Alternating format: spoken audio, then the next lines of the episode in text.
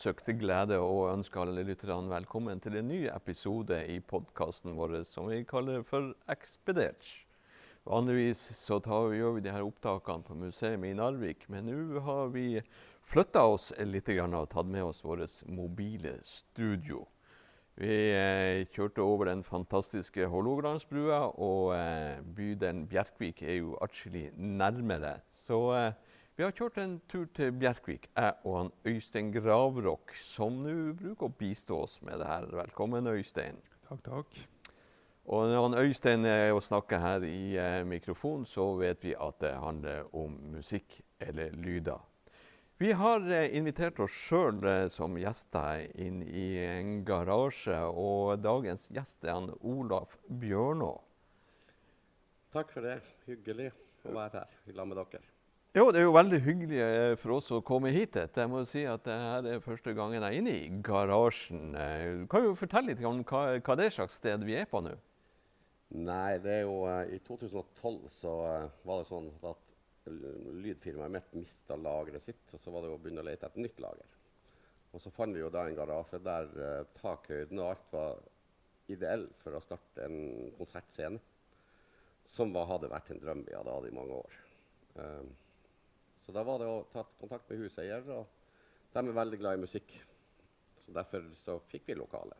Og har uh, på mange dugnadstimer klart å bygge en konsertscene. Og før den tid så var det Forsvaret som eh, holdt vedlikehold på sine tanks her inne. Ja, den sto jo tom da når vi flytta inn, men før det så var det jo Forsvaret som hadde det her lokalet som eh, reparasjon av tanksa. da. Det er et lokal, en garasje kan jo brukes til mye og mangt, som dere har innredet det her med en flott scene med mye lydutstyr og en liten bar og miksepult i, lokalet. Ja. Her har vi alt som trengs. Her er alt som trengs. Eh, du snakker om eh, lydfirmaet ditt, og vi er litt ute etter den lyden av Bjerkvik. Eh, du har hørt på noen lyder av Bjerkvik, Øystein? Jeg har hørt både opp gjennom oppveksten og mye i det siste. Og det er utrolig fascinerende å konsentrere oss og snakke om, om hva, hvorfor skjedde det her i så mye i Bjerkvik. Det er, jo, er det dugnadsånd, er det spesielt gen i Bjerkvik? Og den der katedralen vi sitter her i dag, det er jo egentlig et rom her som skulle ha vært filma. Det er et utrolig flott rom. Så har det jo vært masse band her. Vidar Wang har du nevnt, og du har nevnt Robert Burås. Vi skal komme tilbake til dem. Men jeg har lyst til å spørre deg litt, Olav. Når begynte du å spille musikk? da? Og interessere deg for? Jeg hadde en bror som spilte gitar, Ja. Uh, så jeg var ikke mer enn 10-12 år da jeg begynte å ta litt i gitar. Um, og siden så har jeg jo holdt på med musikk. Og du spilte i det legendariske bandet Broadcast. Ja, det var fra 1988 til 2003. Da var Bjerkvik som base, så farta dere? Ja, da kjørte vi rundt med en buss og turnerte rundt hele Nord-Norge, egentlig. Helt ned til Trøndelag. Så da var du bortimot proffmusiker. Vi spilte veldig mye. Eh, Men å si at vi var proffe, er vel å ta i.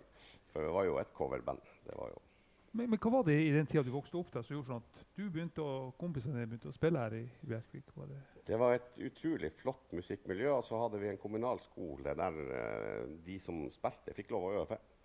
Og når vi andre var Og den skolen var jo samlingspunktet både selvfølgelig på dagtid når du var på skolen, men også på ettermiddager. Og så var du jo der og hørte på de andre som øvde. Og så var vi jo et kompisgjeng som var interessert i musikk. Og da fikk vi lov å komme inn på øvingslokalet og prøve deres instrumenter. Ja. Så det var jo det som gjorde at det ble så knytta. For at det, det var åpent for alle. Kom og prøv hvis du har lyst. Og da traff dere de her store brødrene, og var de Eller var det før deres tid? det? Nei da, vi traff uh, Mitt store forbilde har jo bestandig vært Karl Johan Store. Ja. Ehm, som, som var en sånn drivperson og, og hadde, var full av ideer til arrangement. Men, men de fikk også med ungdommen? Ja da, de, de inkluderte alle. Og vi var jo unge da i forhold til dem og fikk lov å komme inn på deres øvingslokale og se hva de holdt på med, og fikk lov å prøve deres instrumenter. Og Eh, han Bjørn Store, som spilte i La Karl Johan, lærte jo egentlig meg i utgangspunktet å spille bass. Ja, ja. Det var jo det jeg begynte på. det var å spille bass. Men Hvilken type musikk var det? Var det Alt mulig eh, av pop og rock. og da har jeg hørt at Skytterhuset var plassen. Ja, det var egentlig eh, før min tid, for det var jo nedlagt på en måte når jeg begynte å spille litt mer sånn at vi kunne ha spilt på fest. Jeg tror jeg har spilt på Skytterhuset to ganger helt i begynnelsen, men da var vi veldig unge. Da spilte vi pausene til Gustavs. Oh, ja, ja, ja, ja. Og det var liksom samlingspunktet der det skjedde? Ja da, ja, og vi, vi lånte jo også i, i en periode Skytterhuset. Etter det var nedlagt, så brukte vi jo det som øvingslokale. Så vi øvde jo der flere band, da. Både, vi hadde jo da Gustav og Domino, og da heter vi Action før vi ble Broadcast, husker jeg. Um, og da øvde vi jo der, alle, alle bandene. Så det ble jo en veldig samla gjeng, på en måte. Vi snakka jo litt øh, der i, før vi tok, gikk på opptak her om eh, liksom før i tida og nå. da, og, eh, og Du snakka om at da var det mye ungdommen hadde noe å gjøre her. og det var litt sånn, Ungdom var samla her i Bjerkvik, mens nå var det litt Ja, det er jo eh, si, På en måte så er det jo sånn at det er blitt lettere å, å både flytte og reise, og alt sånt der, så det er jo ikke så mye ungdom igjen i Bjerkvik Nei. som på en måte har tilholdssted i Bjerkvik. Eh, det er blitt mye eldre folk, sånn som oss. Vi er jo eldre nå. ikke sant? Og, det er veldig vanskelig. Det som i dag heter Bjerkvik Musikkverft, ble starta i 1985 som Bjerkvik Dansebandforening. Og den ble egentlig starta, for da var vi fem band som for og spilte på veien. Ja. Men vi hadde aldri tid å snakke i lag.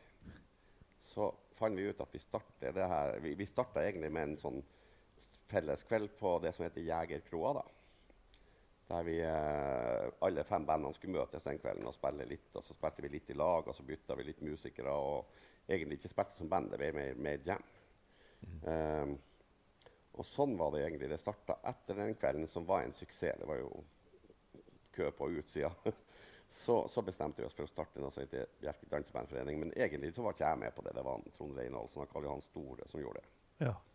Og som uh, ble Etterpå ble det store samlingspunktet for musikk i Bjerkvik. For det har det bestandig vært. Altså, mm, uansett hvem du snakker med, så vet de eh, som har, kommer fra Bjerkvik og driver på med musikk, så liksom utspringet har vært det som i dag er Bjerkvik Musikkverksted. Eller Bjerkvik Dansebandforening før i tida. Så det var egen kraft der. Som, Ja da. Ja. den, ikke sant, når Vidar Wagner han starta, så var jo første gangen han fikk lov å spille offentlig, var på Jegerkroa i lag med det som da var Bjerkvik Dansebandforening. Og da fikk han lov å ta sine kompiser med og spille der. Vi må nesten orientere oss litt i geografien. i Jegerkroa, hvor, eh, hvor ligger den? Ja, den ligger midt nede i sentrum. Det som kalles Tunegården, ja. Altså, Ja, før var det Esso på andre sida av veien der, kan du si. Så det ligger jo midt i, i rundkjøringa nesten. Og der det skjedde. Ja, der, Ja. Det var det store samlingspunktet. Det og hotellet. Ja, ikke sant? Men hotellet var ikke så Vi brukte Jegerkroa. Og det var bare for at det var lett å få, innpass der og få lov å komme dit. Og vi fikk lov å spille der. Men de her eh, store bandene som har kommet, og de store navnene som kommer fra Bjerkvik de, ja, Vidar, du nevner dem. Han, eh, Robert Burås og Jenny Jensen, fikk ikke glemme henne. Og de er store. Eh, har du eh, hatt noen av dem inne i det lokale vi er nå? Den flotte katedralen. Og Jenny har hatt eh, veldig mange opptredener her. Ja. Både med juleshow og andre ting. Og Vidar Wang har jo vært her. Ja. Han Robert nådde vi jo aldri å få hit inn, inn i lokalet. da. Um, men det har jo vært min drøm at vi skulle ha fått Madrugada hit i ettertid og lage en minnekonsert, men vi har liksom ikke aldri fått til. Ja, ryktene skal jo til De skal til Narvik til neste år, så, Ja, jeg så det. så du får ta en Ja. telefon på. Ja, det så jeg jo bare det i den, i den omtalen, da, at vi, eh, Madrugada skal til Haikjeft. Nå Ja, så ja. omtaler han jo han uh, Burås. Ja da. Så han har vært en betydelig uh, person i den, uh, det selskapet der. Ja da, Madrugada. Det var jo han Robert og han Sivert. Ja. Det var ja. jo de to som var Madrugada i mine øyne. Men eh, garasjen her, den har ikke eh, eksistert i all evig tid. Når tid overtok dere den? Den her overtok vi i 2012. Ja. Eh, og da vi brukte å ha, Før 2012 så brukte vi å ha noe som heter Vennef Vennef fest. som var en idé om at eh, hvis du inviterte dine venner, så kunne de invitere sine venner. og så ble det forhåpentligvis litt folk. Det hadde vi i telt for idrettshallen. Ja. Eh, og det hadde vi i tre år før vi gikk inn i det her lokalet. Um, og det var bestandig kø. De satte campingstoler utenfor teltet for å få prøve å få tak i billetter. For der var så, det var ikke plass til mer enn 150 stykker. Um, og det ble jo da Venners Vennhet ble jo da flytta inn i dette lokalet i 2012. Når vi flytta inn i dette lokalet, så var det 14 dager til vi skulle ha Venners Venners fest. OK. Og da sto det bilbooka og alt mulig her. Eh, så vi fikk jo beskjed hos huseier at vi, dere blir aldri å klare å få det til. Og derfor fikk vi det til. For vi bestemte oss for å vise dem at det her får vi til. Men har det vært mye jobbing med å få det her til? Du, du har vært i drivkraft, du òg. Ja, her er mange tusen dugnadstimer som vi har gjort siden 2012. For det her har jo blitt utvikla Når vi flytta inn her i 2012, så var det ett toalett. Ja. Eh, så det er bygd nye toaletter, og det er liksom alle sånne ting som man ikke tenker på når, når man har lyst til å lage en konsert, har jo blitt utvikla. Vi har bygd en bardisk, og vi har fått ting, ting er blitt på stell i forhold til når vi flytta inn. Da hadde vi en bardisk som sto midt på gulvet løst, så vi bare serverte ifra. Så, eh, så her er mange, mange dugnadstimer. ja. Og folk stiller opp når du Ja, aldri vært noe problem å få folk til å stille opp. Så vi har til og med hatt kvelder der det kom så mye folk at vi ikke visste hva vi skulle sette dem til. Mm. Så det har bestandig vært Der er jo Bjerkvik unik med det her dugnadsopplegget. Ja, det er misunnelsesverdig. det Ja, Der. Heter jo 'Lyden av uh, Bjerkvik', denne episoden her. Og tenk, Vi må jo høre litt lyder fra uh, Bjerkvik. Og vi har vært inne på et par ut av de. eh, og vi skal ta en liten tur til han Vidar Wang. Og vi skal spille fra ei hitlåt som får gå rundt og rundt på, på NRK for tida. Livet gir, og livet tar.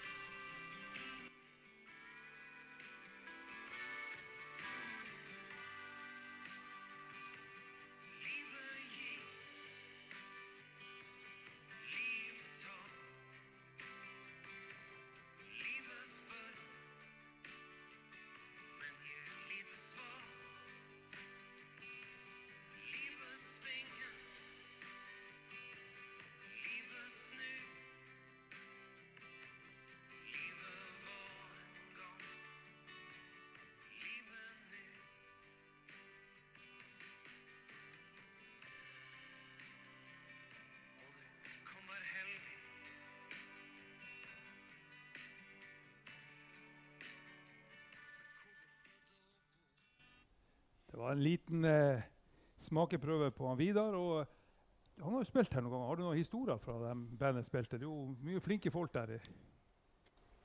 Ja, jeg har jo hatt han den, etter den siste plata så hadde vi han jo her. Vi hadde jo en releasekonsert uh, her med Vidar Wang. Som ble stima fremover, og som var en uh, utrolig bra konsert. Men den absolutt beste konserten vi har hatt med Vidar Wang, det er den siste. Med håper å si, Bjerkvik-guttene. Og har, de har klart å lage en sound som er rett i forhold til den musikken han spiller i dag. Ja.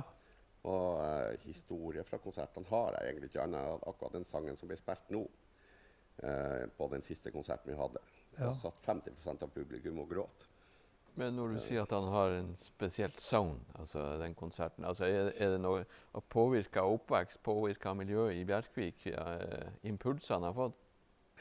Ja, det vil jeg jo tro. Altså, Sone på bandet blitt drept, men han har også fått veldig god hjelp hos en som heter Cato Salsa, som er en av guruene i Norge når det gjelder musikk. Som, som Vi hadde en kirkekonsert med Vidar Wang her i Bjerkvik for noen år siden, som Bjerkvik Musikkverksted arrangerte. Som også var helt sånn magisk. Men da var han Cato Salsa i lag med oss. Så da jobba vi dagen før med lyd og, og få effekter og alt og sette. Og så ble det bare magisk når det kom folk i kirka. Um, så han har hatt veldig mye proffhjelp.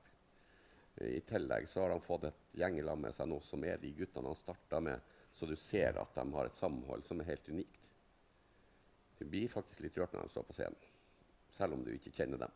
Ja, er det lenge siden han var her da, og spilte i garasjen? Nei, når han spilte Han spilte vel i Han var i år, Ja. men jeg husker ikke hvilken måned. Juni, kanskje? Ja, jeg husker i hvert fall at han, han spilte her. 18. juni spilte han her, mener jeg. Han har jo òg ei plate som heter 8530 Bjerkvik. Ja, ja, Det er jo, Hvis ikke det er kjærlighetserklæring, så vet ikke jeg. ja, ja. Det, Vidar er veldig opptatt av uh, Bjerkvik, og han er veldig flink å fortelle at han er fra Bjerkvik. I tillegg så er han veldig flink å, å fortelle at Musikkverftet har gjort at han er der han er i dag. Og han synger på norsk, og det, det kan jeg like. Ja, han har prøvd begge deler, og nå er det jo norsk. Ja, veldig fint. Du, Vi, vi har prata mye om band, og vi skal komme se kanskje litt tilbake igjen. Men eh, du kjører jo mye lyd òg. Og Bjerkvik-lyd. og Du har reist mye rundt. og Hvordan, er du, hvordan har det vært? Nei, det er jo et eh, Når vi stoppa å spille, eller egentlig før vi stoppa å spille, for vi hadde en pause i 95 Ja. Da tok han Karl Johan Store meg med på en konsert i idrettshallen her med Commitments, som var med kor og korps og alt mulig. Ja. For at jeg hadde anlegg, og det fra vi drev på og spilte. Så vi brukte det. Og det var starten på det som ble Bjerkvik Lyd. Det var 1995 oppe i idrettssalen her. Og når du sier commitment, så var det med de storkarene fra Nei da, det var lokale musikere. Lokale, ja. Ja. ja. Mhm. Vel, eh, lokale kor, kor fra Bjerkvik, Ja, ja. korps fra Bjerkvik og Ja. vokallister fra Bjerkvik. Og Ja. alt. Så det var lokalt. Um, og det ble jo det som på en måte uh, tente litt ideen om det her med lyd. Oh, ja, ja. Så du kan si fra 95 til 2000 eh, Det er en periode jeg kaller for opplæring. så i 2001 så gikk vi jo fra det å drive på med lokale småjobber og, og lære til å bli en ak profesjonell aktør i Norge da, kan du si, på, på det som har med lyd å gjøre. Eh, da kjøpte vi ny mikser, og vi kjøpte, fikk veldig god hjelp fra et firma i Oslo som heter Avab-damen, som heter Bright i dag. Ja. Uh, sjefen der han hjalp meg, så når jeg ringte han, så fikk jeg et anlegg oppover, så betalte jeg etter hvert som jeg hadde råd. Og når det var betalt, så ringte han, så fikk jeg en mikser til en halv million her, og så betalte jeg etter hvert som jeg hadde råd. Så det var på en måte han som bygde meg opp til å kunne bli en profesjonell aktør. Men du må tydeligvis ha et godt øre, for du Hellbillies og Anton Sivertsen og Jeg har jo jobba med veldig mange, veldig mange artister i Norge. Ehm, det har vi jo. Men mest som lydleverandør, for veldig mange artister kommer jo med egen tekniker. Ja. Um, jeg har uh, jobba 100 med lyd i to år bare. Ja. Ellers har jeg jo hatt det som en bijobb. Og det var fra 2005 til 2007. Da jobba jeg jo som lydtekniker og reiste på turneer. og da jobba jeg med tre store kjente norske artister, men jeg har ikke lyst til å nevne navn. for Jeg vet ikke om, jeg har ikke snakka med dem. Nei, men vel, vel. da reiste vi. I desember måned husker jeg det året, så gjorde vi 33 konserter med samme artist. ja. Så eh, Så da var det Bjerkvik-ørene som måtte til for å få ordentlig lyd? ja da, da var det kulturhusturné og uh, kjempegivende tid som jeg aldri kunne ha vært foruten. Uh, selv om jeg, man, det er klart enkelte ganger når, når det, Bjerkvik Lyd ble jo på en måte større. Altså Man visste ikke hvor det gikk hen når man starta. Så ble det jo i en periode større enn det man hadde regna med. Eh, så da ble det veldig mye kontorarbeid, og det var ikke, det var ikke jeg så veldig glad i. Så eh, det ble eh, egentlig enormt stort da, fra 2003-2004. Og så bygde det seg, det seg opp til 2020, da, som den dagen vi la ned. Men, men du har vært mye rundt i, i landet, og, men du har ikke vært, Narvik har ikke brukt det så mye? Eller Narvik by, for å være Nei, og, det er jo kanskje litt av uh, Hvis jeg skal si noe kritikk, Ja, det er lovt.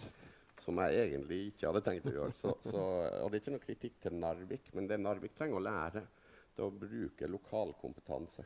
For hadde Narvik brukt oss, så har vi også fått et nettverk i Narvik som vi kunne rekruttere ifra. Det hadde ikke vi. Det nettverket hadde vi fra Fauske og sørover. Altså, og, og til dels litt nordover så, så rekrutterte vi folk.